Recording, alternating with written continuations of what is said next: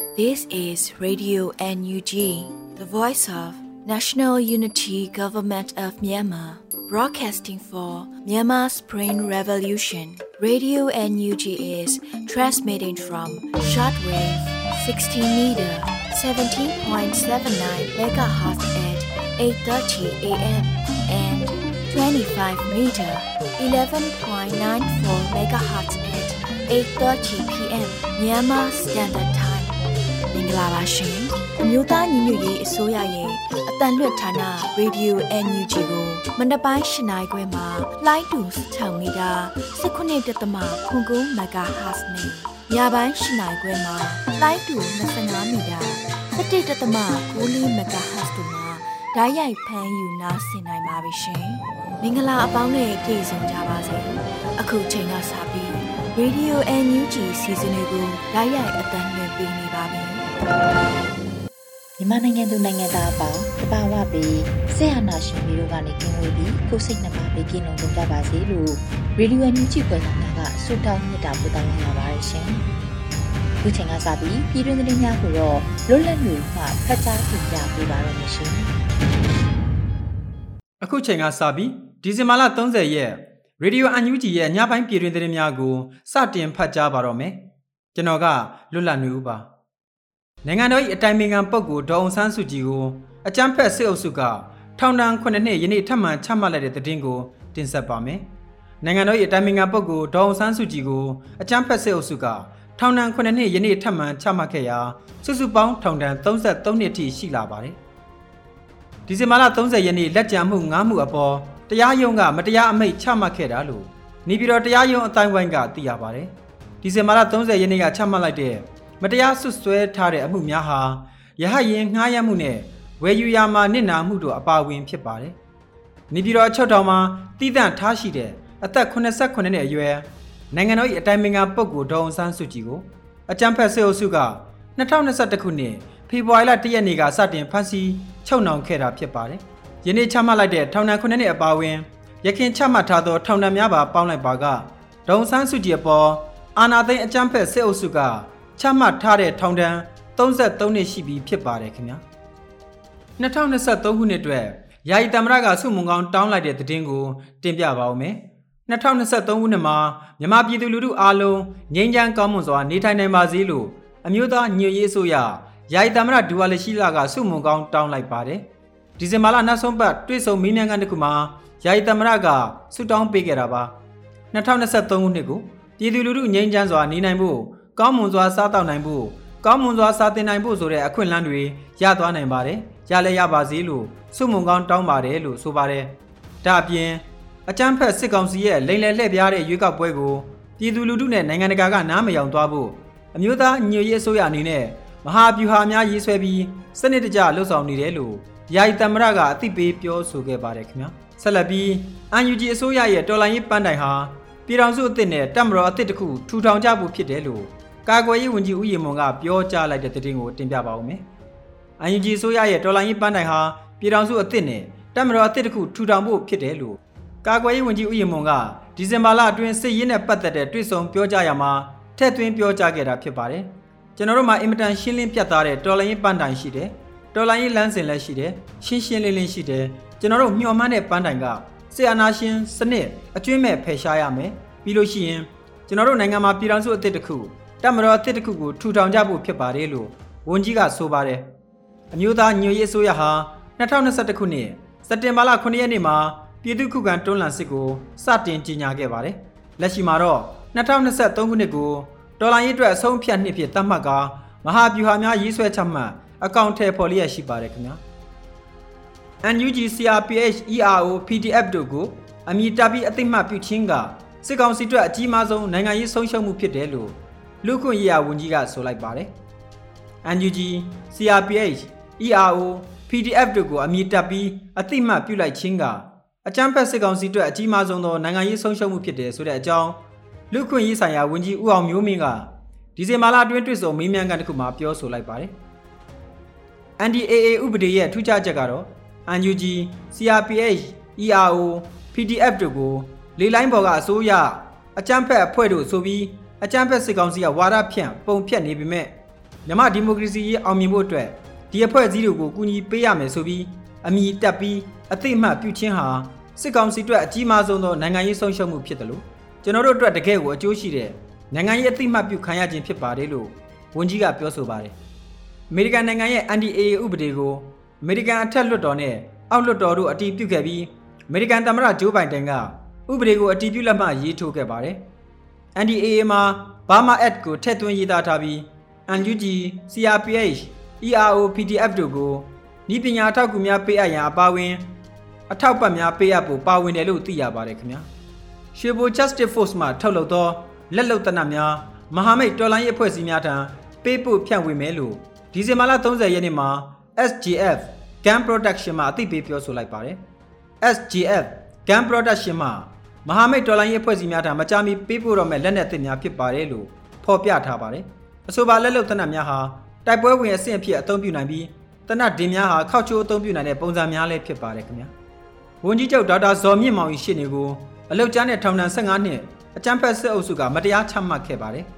မန္တလေးတိုင်းအိုးဘိုအကျဉ်းထောင်တွင်အထူးတရားရုံးမှတရားလွှတ်တော်ရှိနေတော်ရွတ်နုအောင်ကိုအကြမ်းဖက်မှုတိုက်ဖျက်ရေးဥပဒေပုံမှန်90ညဖြင့်ဒီဇင်ဘာလ28ရက်နေ့တွင် အလုတ်ကျန်းတဲ့ထောင်ဒဏ်15နှစ်အမိန့်ချမှတ်ခဲ့တယ်လို့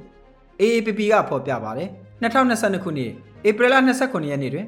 ဒေါ်ရွတ်နုအောင်သည်မန္တလေးတိုင်းဝန်ကြီးချုပ်ဒေါက်တာစောမြင့်မောင်၏ဥပဒေတော်တွင်း၌ပြုလုပ်သောတရားရုံးချိန်မှပြန်ဖမ်းဆီးခြင်းခံခဲ့ရခြင်းဖြစ်ပါတယ်2021ခုနှစ်အာဏာသိမ်းချိန်မှ2022ခုနှစ်ဒီဇင်ဘာလ29ရက်နေ့ထိဖမ်းဆီးချုပ်နှောင်ခြင်းခံထားရသူစုစုပေါင်း13168ဦးရှိပြီး၎င်းတို့နဲ့မှ1866ဦးမှာ ထောင်ဒဏ်ချမှတ်ခြင်းခံထားရပါတယ်ခင်ဗျာ။မြိုင်နယ်မြောက်ပိုင်းအိုးဘိုရွာမှာညအိတ်တဲ့အကြမ်းဖက်စစ်ကောင်စီတပ်များကယနေ့မနေ့အိုးဘိုရွာကိုမိရှို့ဖျက်ဆီးခဲ့တဲ့တဲ့တင်ကိုတင်ပြပါရစေ။ဒီဇင်ဘာလ30ရက်မနေ့ပိုင်းမှာအိုးဘိုရွာကိုစစ်ကောင်စီတပ်များကမိရှို့ခဲ့တာဖြစ်တယ်လို့ဒေသခံသတင်းရင်းမြစ်များကအတည်ပြုပြောဆိုထားပါတယ်။မင်းညကမကွေးတိုင်းမြိုင်နယ်မြောက်ပိုင်းအိုးဘိုရွာမှာ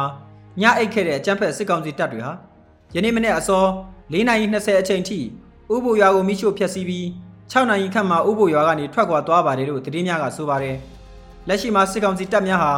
မြိုင်မြို့နယ်တကြောကိုစစ်ကြောင်းထိုးမှွေနှောက်နေတယ်လို့သတင်းရရှိပါတယ်ခင်ဗျာ။တနင်္လာရီတိုင်းပလောမြို့နယ်ပလမြို့အထွတ်တွင်တိုက်ခိုက်ခံရပြီးနောက်စစ်ကောင်စီတပ်ဘက်မှတိုကြီးရွာကိုမိရှို့ဖျက်ဆီးခဲ့ကြောင်းကိုဒီဇင်ဘာလ30ရက်နေ့မှာတနင်္သာရီ Defense Force ကအတည်ပြုပြောဆိုထားပါတယ်။တနင်္သာရီတိုင်းပလောမြို့နယ်ပလမြို့မှထွက်ခွာလာသော စစ်ကောင်စီရင်တန်းသည်ယနေ့နေ့နေ့ပိုင်းပလမြို့ထွက်တွင်တိုက်ခိုက်ခံရပြီးနောက်တိုကြီးရွာရောက်တွင်ကြီးရွာရှိနေအများကိုမိရှုဖျက်ဆီးနေပါတယ်လို့ဆိုပါတယ်။အကြမ်းဖက်စစ်ကောင်စီတပ်များဟာတနိုင်ငံလုံးမှာအိုးအိမ်အဆောက်အုံ4000ကျော်ကိုမိရှုဖျက်ဆီးခဲ့ပြီလည်းဖြစ်ပါတယ်ခင်ဗျာ။အာနာရှင်နိကုံ2023ကိုကြိုဆိုကြဖို့ Facebook profile ပြောင်းရန်တိုက်တွန်းတဲ့သတင်းကိုတင်ပြပါဦးမယ်။ဒီဇင်ဘာလနောက်ဆုံးပတ်မှာ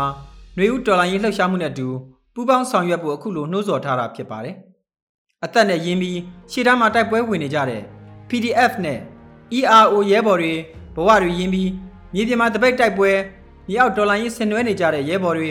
အာနာရှင်ခိုင်းတာမလုပ်တဲ့စီဒီအန်ဝန်ထမ်းတွေ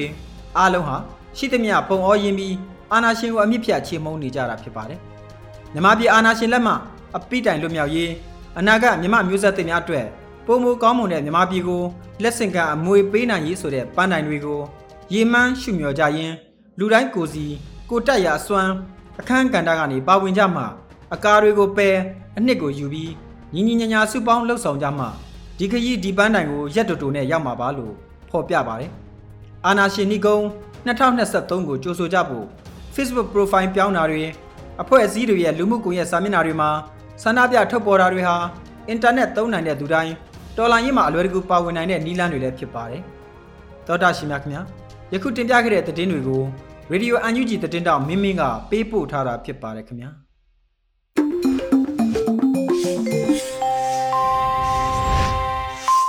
။ရေဒီယိုညူချီမှာဆက်လက်တင်ပြနေပါတယ်။ဒီနေ့ရဲ့တော်လိုင်းဆောင်းပါးအစီအစဉ်မှာတော့ CDN တို့ရဲ့အတန်းနဲ့အာမန်အပိုင်း31ကိုမိုးခရဲ့တင်ဆက်မှုနဲ့နားဆင်ကြရတော့မှာဖြစ်ပါတယ်ရှင်။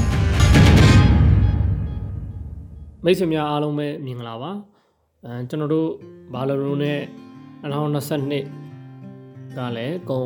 ကန်နေပြီပေါ့နော်2023နဲ့ကိုရောက်လာတော့မယ်ကျွန်တော်တို့ဒေါ်လာရေးကာလဆိုရင်လည်းဘာလိုရိုနဲ့နှစ်နှစ်ပြည့်တော့မယ်ပေါ့နော်အဲအဲဒီကြားထဲမှာအဲဝမ်းသာစရာအတက်စရာတွေလည်းရှိသလိုစိတ်ထိခိုက်စရာအဲစိတ်အားငယ်စရာတွေလည်းရှိတယ်ပေါ့ကျွန်တော်တို့အားလုံးပဲသိကြတဲ့အတိုင်းတော်လန်ရေးရဲ့အရှိန်အဟုန်ပေါ့နော်မိုမန်တန်ကအဲတိတိတတ်တာတိုးတက်အားကောင်းလာခဲ့ပြီး ပြီးတော့အောင်ပွဲပေါ့နော်ပြည်သူအောင်ပွဲကပို့ပြီးတော့ပန်းနိုင်ကပို့ပြီးတော့နှိကပ်လာခဲ့ပြီးပို့ပြီးတေချာသွားခဲ့ပြီပေါ့နော်တေချာသွားခဲ့ပြီးဒီအကြမ်းဖက်စစ်တပ်အမားလာတို့အနေနဲ့ရှုံးဖို့ကရာခိုင်နှုန်းအင်မတန်သေးကြသွားပြီပေါ့နော်ပို့ပြီးတော့ခိုင်မာသွားပြီပေါ့နော်သူတို့အရှုံးဖို့ဒီကဘာမှာအာနာသိန်းစစ်တပ်အာနာသိန်းစစ်တပ်အနေနဲ့ပြည်သူတွေရဲ့ခုခံတော်လှန်စစ်ထိုးစစ်တိုက်စစ်ကိုပေါ့နော်ပြည်သူကိုရှုံးသွားတဲ့ သက်သေတာရကတွေဥပမာတွေအများကြီးရှိတယ်ပေါ့နော်ဒီမှာအဓိကပြည်သူကိုရှုံးသွားတဲ့အကြောင်းရင်းပေါ့နော်ရှုံးသွားတဲ့အကြောင်းရင်းက၃ချက်ရှိတယ်ဒီအာနာသိန်းနဲ့စစ်တပ်ရှုံးသွားတဲ့အချက်က၃ချက်ရှိတယ်အဲ့အချက်၃ချက်နဲ့ကိုက်ညီလို့ရှိရင်ဘယ်စစ်တပ်မှာပြည်သူကိုမနိုင်ဘူးအရှုံးပေးရတာရှိတယ်အဲ့ဒါကတော့ဘာလဲဆိုတော့အတူကောက်ပြောရရင် dip လို့ပြောလို့ရတယ်နော် DIP dip dip ပေါ့နော် dip D ကဘာလဲဆိုတော့ defection လို့ခေါ်တယ် defection ဆိုတာကအာနာသိန်းတဲ့စစ်တပ်ကိုမယုံကြည်ဘဲနဲ့စွန့်ခွာပြေးရအောင်ပြောတာစွန့်ခွာပြေးတဲ့စစ်သားတွေပေါ့နော်အဲဒီနေ့မနက်မှာဆိုရင်ပဲအဲမနက်စောစောစီစီပဲမင်္ဂလာသတင်းတစ်ခုထပ်ကြားလိုက်ကြတာကဘာလဲဆိုတော့ဒီဒီ KNU ထင်းချုံနေမြေတမ6ထဲမှာပဲရှိတဲ့စခန်းတစ်ခုอ่ะပေါ့နော်မိတ်ဆွေတယောက်ကကျွန်တော်ဒီကိုသတင်းကောင်းပါလာတယ်ပေါ့နော်ဘာလဲဆိုတော့ဒီ CDM စစ်ဘိုလ်တယောက်နဲ့အဲစစ်တီပေါ့နော်စစ်တီ၄ယောက်စုစုပေါင်း9ယောက် အလင်းဝင်လာတယ်ဆိုတဲ့သတင်းပေါ့နော်အလင်းဝင်လာတယ်ဆိုတဲ့သတင်းကိုပြောလာတယ်ပေါ့ပြောလာတယ်ဒါကဘာလဲဆို defection ပေါ့နော်သူကစစ်တပ်ကိုပေါ့နော်သူတို့အာဏာသိမ်းတဲ့စစ်တပ်ကိုမယုံကြည်တော့တာပေါ့မယုံကြည်တော့တယ်အကြောင်းမျိုးမျိုးရှိမှာပေါ့တော့အထွက်ပြေးလာတယ်မယုံကြည်တော့ဘူးအဲတေမာကြောက်တာလည်းပါမှာပေါ့နော်သူတို့ဒီပြည်သူရဲ့ပြည်သူတွေရဲ့ပြည်သူရဲဘော်တွေရဲ့အဲထိုးစစ်ခုခံစစ်ခုခံစစ်ကနေထိုးစစ်ပေါ့နော်ထိုးစစ်ပြပြခိုင်မာအားကောင်းလာတယ်အခုတော့ drone တွေကတဖြည်းဖြည်းနဲ့ပို့ပြီးတော့ခိမိလာတယ် အဲနေပညာတွေမြင့်လာတုံးလာတယ်ပြစ်မှတ်ကိုတိတိကျကျပြက်လာနေရတယ်ပါတာပေါ့နောက်ပြီးတော့စိတ်တပိုင်းဆိုင်ရာအရာလည်းအဲပြည်သူတွေရဲ့ယုံကြည်ချက်ကပို့ပြီးတော့ခိုင်မာလာတဲ့အတွက်ကြောင့်မလို့တဖြည်းဖြည်းနဲ့အဲစိတ်တပိုင်းအရာရောစီးအရာရောနှိမ့်ကျလာတဲ့အတွက်ကြောင့်မလို့သူတို့ကအဲမယုံကြည်ဘဲနဲ့ဒီထွက်ပြေးလာတာပေါ့နော် defection နေများလာတယ်တက်ကနေပြီးတော့မှပြေးလာတဲ့သူတွေပေါ့နော်ပြေးလာတွေများတယ်တချို့ဆိုလဲဒီတိုင်းသားလက်နက်ကန် ERO တွေအောက်ကိုခိုးဝင်လာတယ်ခိုးဝင်လာပြီးတော့ အဲပြည်သူဘက်ကိုပါပြီးတော့ပြန်ပြီးတော့ဒေါ်လာရင်းမှာပြန်ပါတာရှိတယ်တချို့ကြောက်လဲသူတို့ဘေးကင်းရာကိုဘေးကင်းရာကိုသူတို့အစီအစဉ်နဲ့ပြေးပြီးတော့မာလာစစ်တပ်ကိုအလုပ်ကြီးမပြုတော့ဘူးပေါ့နော်ဒါမျိုးတွေရှိတယ်ပေါ့အာ defection ကတိတတကြီးအဲတိုးတက်အားကောင်းလာတယ်ရာဂိုင်နှုန်းတွေများလာတယ်ပေါ့နော်တက်ပြေးတွေများလာတယ်တက်ကပြိုလာပြီပေါ့အဲ့ဒါတစ်ချက်ပေါ့နော်အဲ့တော့ defection နဲ့လည်းကိုက်ညီတယ်ပေါ့နော်နောက်တစ်ချက်က I ပေါ့နော် အဲ I ဆိုတာက international pressure လို့ခေါ်တယ်နိုင်ငံတကာဖိအားတွေပေါ့နိုင်ငံတကာဖိအားတွေဆိုရင်အခုလက်ရှိမှာခက်စားနေတယ်အဲလူလည်းအတိများတဲ့အမေရိကန်ကပြဋ္ဌာန်းလိုက်တဲ့ဘာမာအတ်ပေါ့နော်မြန်မာပြည်မှာစစ်တပ်ကကျူးလွန်ခဲ့သမျှအပြစ်တွေကိုတရားမျှတမှုရှိရှိတရားဝင်တာဝန်ယူမှုတာဝန်ခံမှုရှိစေရေးဝိုင်းဝန်းစ조사ကြပါစို့ဆိုတဲ့ခေါင်းစဉ်ပေါ့နော်ဘာမာအတ်အရှိကောက်ကအဲ့ဒါက NDAA ဆိုတဲ့ဥပဒေထဲမှာပါဝင်တယ်ပေါ့နော်မြန်မာပြည်ရဲ့အရေးကို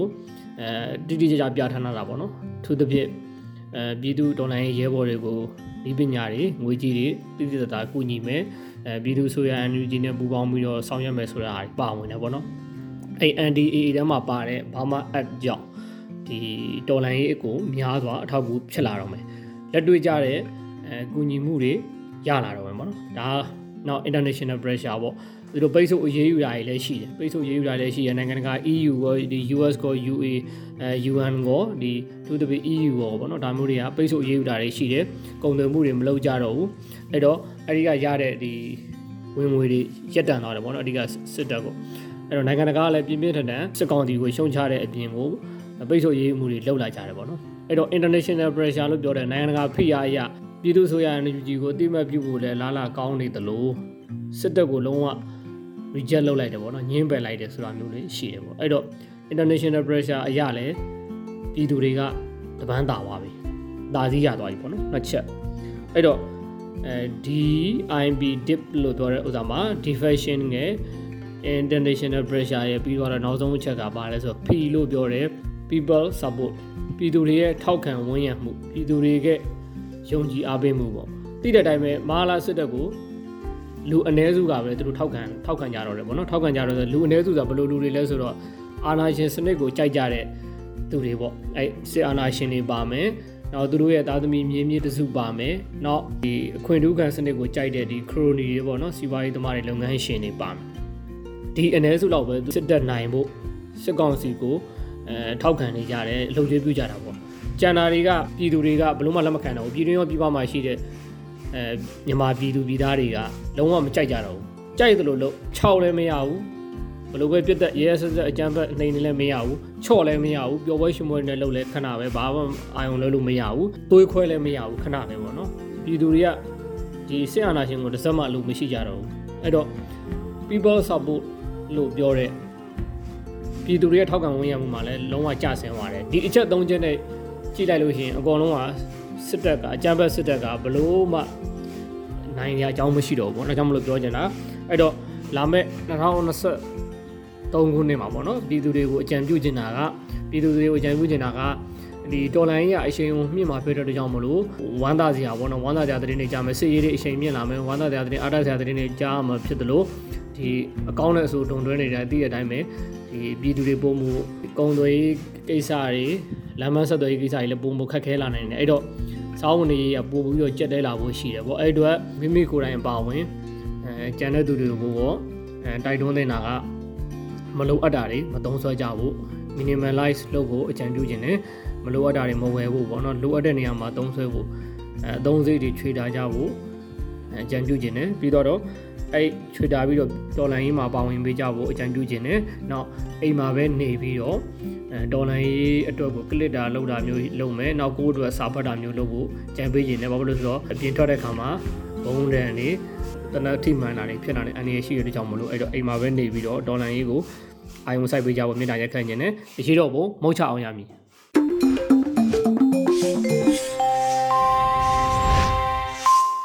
ရေဒီယိုညချီမှာဆက်လက်တင်ပြနေပါတယ်။အခုဆက်လက်ပြီး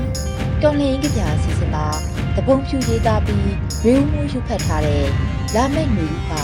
ငါတို့အောင်ပွဲလို့အမည်ရတဲ့တော်လင်ရေးကပြကိုနားဆင်ကြရတော့မှာဖြစ်ပါတယ်ရှင်။နေဦးဟာငါတို့အောင်ပွဲချစ်ဆုံးချစ်သူစိတ်ကူးနဲ့မှန်းကြည့်စမ်းဒီတစ်ခါပွင့်မဲ့ຫນွေဥပန်းတွေဟာဘလောက်လှနေမလဲဆိုတာ ຫນွေဦးအလှအောင်ပွဲကိုလမ်းမထက်တက်ကြည့်တဲ့အခါအလှကြည့်ကိုအုပ်စုထဲရန်လီတွေစရင်တဲ့ဘေးထိုင်လူမလိုက်အဖွဲတဲ့မပါစင်တဲ့ချစ်သူကိုယ်တမိုင်းကိုရေးလှုပ်เสียလက်မနှင်းဒီအတိုင်း ဖြည်းဖြည်းမှန်မှန်ဆက်လုပ်တော်လှန်ရေးအောင်ပွဲဟာမဝေးချစ်သူတွေပေးဆက်သူတွေပြန်ဆောင်ကြမဲ့ပွဲမှုဒီကြားတဲ့အာတင်တောက်ခံ ဒီတော်လှန်ရေးဟာငါတို့တော်လှန်ရေးငါလုံနိုင်တာလုံပေးမဲ့ငါဟာຫນွေဦးစစ်တီတူပဲငါဟာတပုံဖြူတစ်ကောင်ပဲဒီခံယူချက်နဲ့ຫນွေဦးတော်လှန်ရေးမှာငါတာဝန်ကြည့်ခဲ့တယ်ဆိုတဲ့ဂုံဒရက်တမိုင်းမှတ်တိုင်စိုက်ကြမယ်ဒီတခါຫນွေဦးအလွန်ပြန်ဆောင်ကြတဲ့အခါအချစ်တွေပြိုင်တာထက်တော်လန်ရေးမှာငါဘာလုပ်ခဲ့တယ်ဆိုတာ ပြိုင်ကြရအောင်ချစ်သူဟုတ်ကဲ့ပါအခုရွတ်ပတ်ခဲ့တာကတော့ကြပြဆရာသဘုံဖြူရေးဆက်တည်ကုန်ထားတဲ့ຫນွေဦးဟာငါတို့အောင်ပွဲဆိုတဲ့ကြပြပဲဖြစ်ပါတယ်ခင်ဗျာကျွန်တော်ຫນွေဦးမို့ပါ ။အခုနောက်ဆုံးနားဆင်ကြရမယ့်အစီအစဉ်ကတော့တန့်ဝေကျော်တင်ဆက်ထားတဲ့ဖြစ်ချောင်းကုန်စင်အညာတစ်ခွင် အပိုင်း32ကိုနားဆင်ကြရတော့မှာဖြစ်ပါတယ်ရှင်။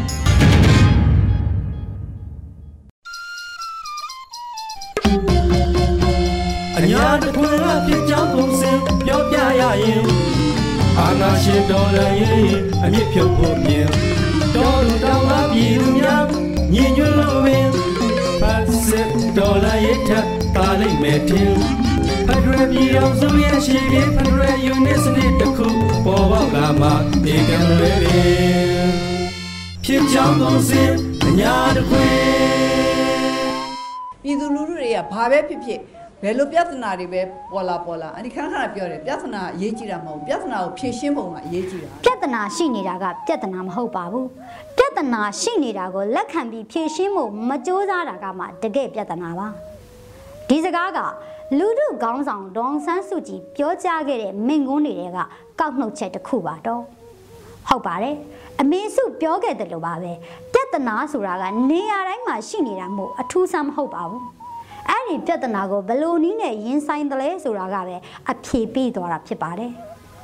ဒါကြောင့်ပြဿနာတွေကိုဖြေရှင်းဖို့အတွက် problem solving skill လို့ခေါ်ကြတဲ့ပြဿနာဖြေရှင်းမှုဆိုင်ရာကျွမ်းကျင်တဲ့အတတ်ရှိဖို့လဲလိုပါတော့ ဒီအတတ်ပညာဟာအရေးကြီးတယ်လို့နောက်ထပ်အရေးကြီးတာကတော့ပြဿနာဖြစ်တဲ့ကာယကံရှင်တွေရဲ့ဖြည့်ရှင်းလိုစိတ်အခန်းနဲ့ပြဿနာဖြည့်ရှင်းသူရဲ့ရိုးသားမှုပါပဲဒါကြောင့်ပြဿနာတွေရှိနေတာကပြဿနာမဟုတ်ပါဘူးပြဿနာတွေရှိနေရင်နံပါတ်1ပြဿနာရှိနေကြောင်းကိုလက်ခံဖို့နံပါတ်2ပြဿနာကို ဖြည့်ရှင်းလိုစိတ်ရှိဖို့နံပါတ်3ပြဿနာဖြည့်ရှင်းနည်းစနစ်တွေကျွမ်းကျင်ဖို့နံပါတ်4ရိုးသားဖို့ အစရှိတဲ့လေးချက်နဲ့ဖြည့်ရှင်းရင်မပြေလည်နိုင်စရာမရှိပါဘူးတော့ကျုပ်တို့အညာဒေတာတော်လှန်ရေးအဖွဲ့အချင်းချင်းကြားမှာဖြစ်ကြတဲ့ပြဿနာတွေကိုလည်းဒီအချက်၄ချက်နဲ့ဖြေရှင်းကြရမှာပါတော့ပထမအချက်ကတော့ပြဿနာရှိနေကြောင်းလက်ခံမှုပါပဲအညာဒေတာတော်လှန်ရေးအဖွဲ့တွေဟာစနစ်တကျစတင်ဖွဲ့စည်းထားတာမျိုးမဟုတ်ဘဲအချင်းနေတရက်ကြောင်ရုတ်တရက်ဖွဲ့စည်းလိုက်ရတာမျိုးဖြစ်တဲ့အတွက် ဒေတာအခြေခံရက်ရွာအခြေခံတွေဖြစ်နေတာကများပါတယ်ဒါကြောင့်ဒေတာဆွဲရက်ဆွဲရွာဆွဲတွေကအမြဲရှိနေတာပါနောက်တစ်ခုကလက်ရှိအချိန်အညာမြေမှာအုတ်ချုပ်ရေးစနစ်တစ်ခုကလုံးဝပြိုကျသွားပြီးနောက်ထပ်အုတ်ချုပ်ရေးတစ်ခုကအပြည့်အဝအစားထိုးလို့မရနိုင်ခင်အာနာလီဟာနယ်တွေဖြစ်နေတဲ့အတွက်ကြောင့်လဲတစ်ဖွဲ့နဲ့တစ်ဖွဲ့တွန်းတိုက်မှုတွေပုံများလာစေခဲ့ပါတယ် အဲ့ဒီမှာအနုနီးနဲ့ဖြစ်ရှင်းရမယ်အစားအကျန်းနီးနဲ့ဖြစ်ရှင်းတာတွေလည်းရှိလာတော့ပြဿနာတွေဟာရှုပ်တဲ့ရှုပ်လာပါတော့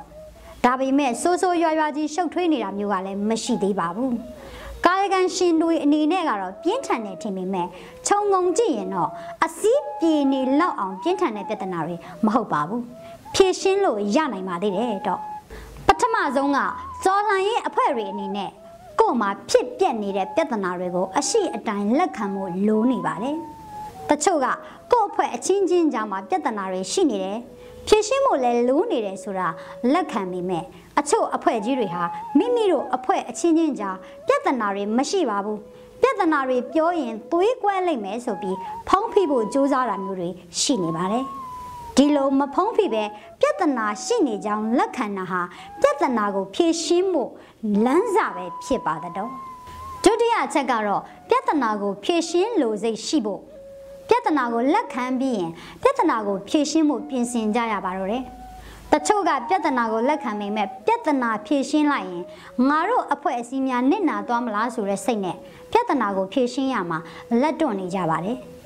ဒီအချက်ကလည်းကာလကြာရှည်ပြဿနာတွေရှိနေခြင်းရဲ့အဓိကအချက်တစ်ခုဖြစ်ပါတယ်။တကယ်တော့ပြဿနာတစ်ခုပြေလည်သွားတယ်ဆိုတာကောင်းတဲ့အလားလာပါ။ပြဿနာမပြေလည်တဲ့၍ပြဿနာဖြစ်တဲ့အဖွဲ့တွေရောပြည်သူရဲ့မျှော်လင့်ချက်တွေရောတော်လှန်ရေးရောနစ်နာမှုတွေရှိနေတာကိုမြင်ဖို့လိုပါတယ်။ဖြည့်ရှင်းသွားရင်အားလုံးရဲ့ရည်မျှော်ချက်တွေပြည့်ဝသွားမှာမို့ ဘယ်သူမှနစ်နာစရာမရှိတဲ့အပြင်အကျိုးရလဒ်များစွာရလာမှာဖြစ်တယ်ဆိုတာသိထားဖို့လိုပါတယ်။ဒါဆိုရင်ပြဿနာကိုဖြည့်ရှင်းလိုစိတ်ရှိလာမှာဖြစ်ပါတယ်။တဦးချင်းအကျိုးစီးပွားထွက်အောက်စုအကျိုးစီးပွား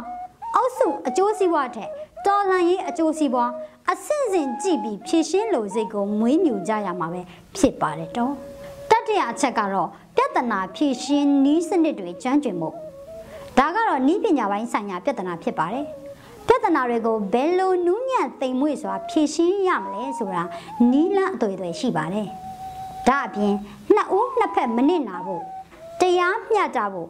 အဖက်ဖက်ကမျောမြင်နဲ့ကြည့်ပြီးအပြေရှာပေးနိုင်မဲ့ဂျားကန်စစ်ဆက်ဆွေးနွေးသူတွေလိုလာတယ်လို့ပြဿနာကိုဆွေးနွေးဖြေရှင်းမဲ့ကာယကံရှင်တွေကိုလည်းနိစနစ်ဆိုင်ရာအကူအညီတွေပေးရမှာဖြစ်ပါတယ်ပြဿနာကိုဖြေရှင်းရမှာ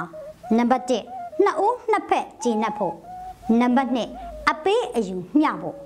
နံပါတ်3ရေရှည်ပြေလည်ရေးကိုရည်မျှော်နိုင်ဖို့ဆိုတဲ့အချက်၃ချက်နဲ့ချင်းကပ်ဖြည့်ရှင်းနိုင်မှုစ조사ကြရမှာပါတော့စရုပ်ထတဲ့နောက်ဆုံးအချက်ကတော့ရိုးသားမှုရှိဖို့ပါပဲတော့နောက်ဆုံးအချက်ကရိုးသားမှုရှိဖို့ဆိုတာကအရေးအကြီးဆုံးဖြစ်ပါတယ် ပြဿနာရှိတဲ့ကာယကံရှင်အဖွဲ့တွေရောပြဿနာကိုကြားဝင်ညှိနှိုင်းဖြေရှင်းမဲ့သူတွေရောရိုးသားမှုရှိဖို့လိုအပ်ပါတယ်။အဲ့ဒီလိုမဟုတ်ဘဲ personal branding နိုင်ငံရေးနေရာရလို့မှုပုံကိုယ်ရေးအကျိုးမြတ်တွေကိုမျှော်လင့်ပြီးချင်းကပ်ကြရင်အလောက်မဖြစ်တဲ့ပြဿနာတွေဖြေရှင်းမှုတွေပဲဖြစ်လာပါလိမ့်မယ်။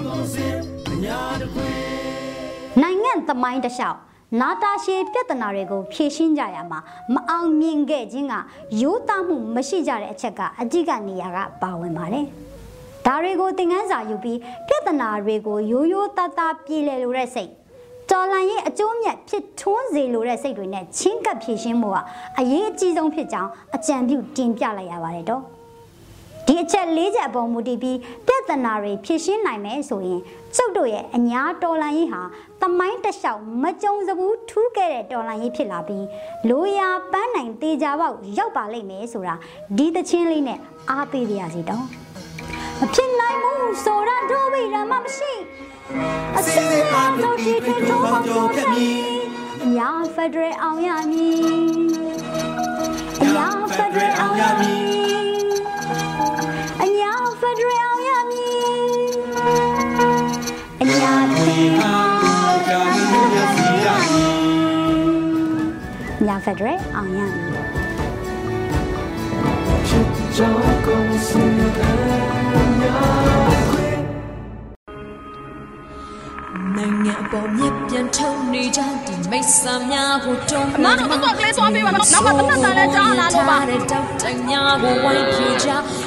ု့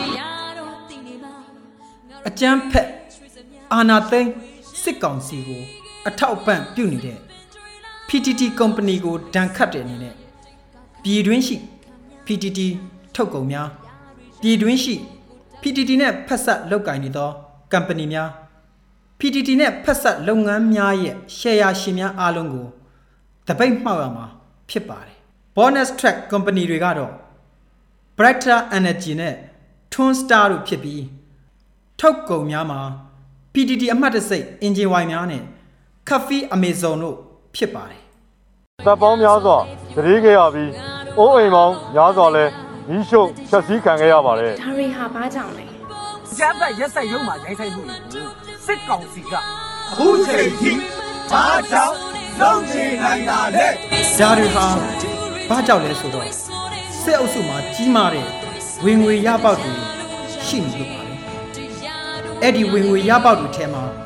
MOGE ကအဆိုးဆုံးပါစစ်အုပ်စုရဲ့ဝင်ငွေရပေါက်တွေကိုပြည်သူအားနဲ့ဝိုင်းဝန်းပိတ်ဆို့ကြပါစို့မတရားမှုကိုစန့်ကျင်သောရေဦးပန်းများပွင့်လန်းသည်ပြည်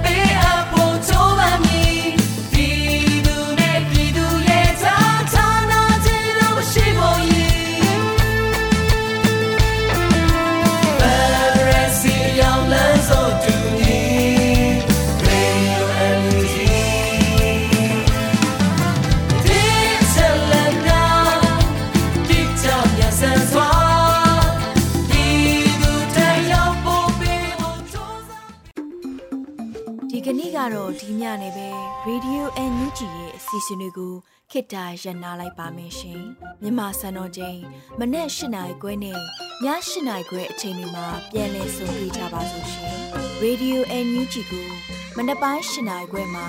လိုင်းတူ16မီတာ19.7ခုကူမဂါဟတ်နဲ့ညပိုင်း၈နိုင်ခွဲမှာလိုင်းတူ25မီတာ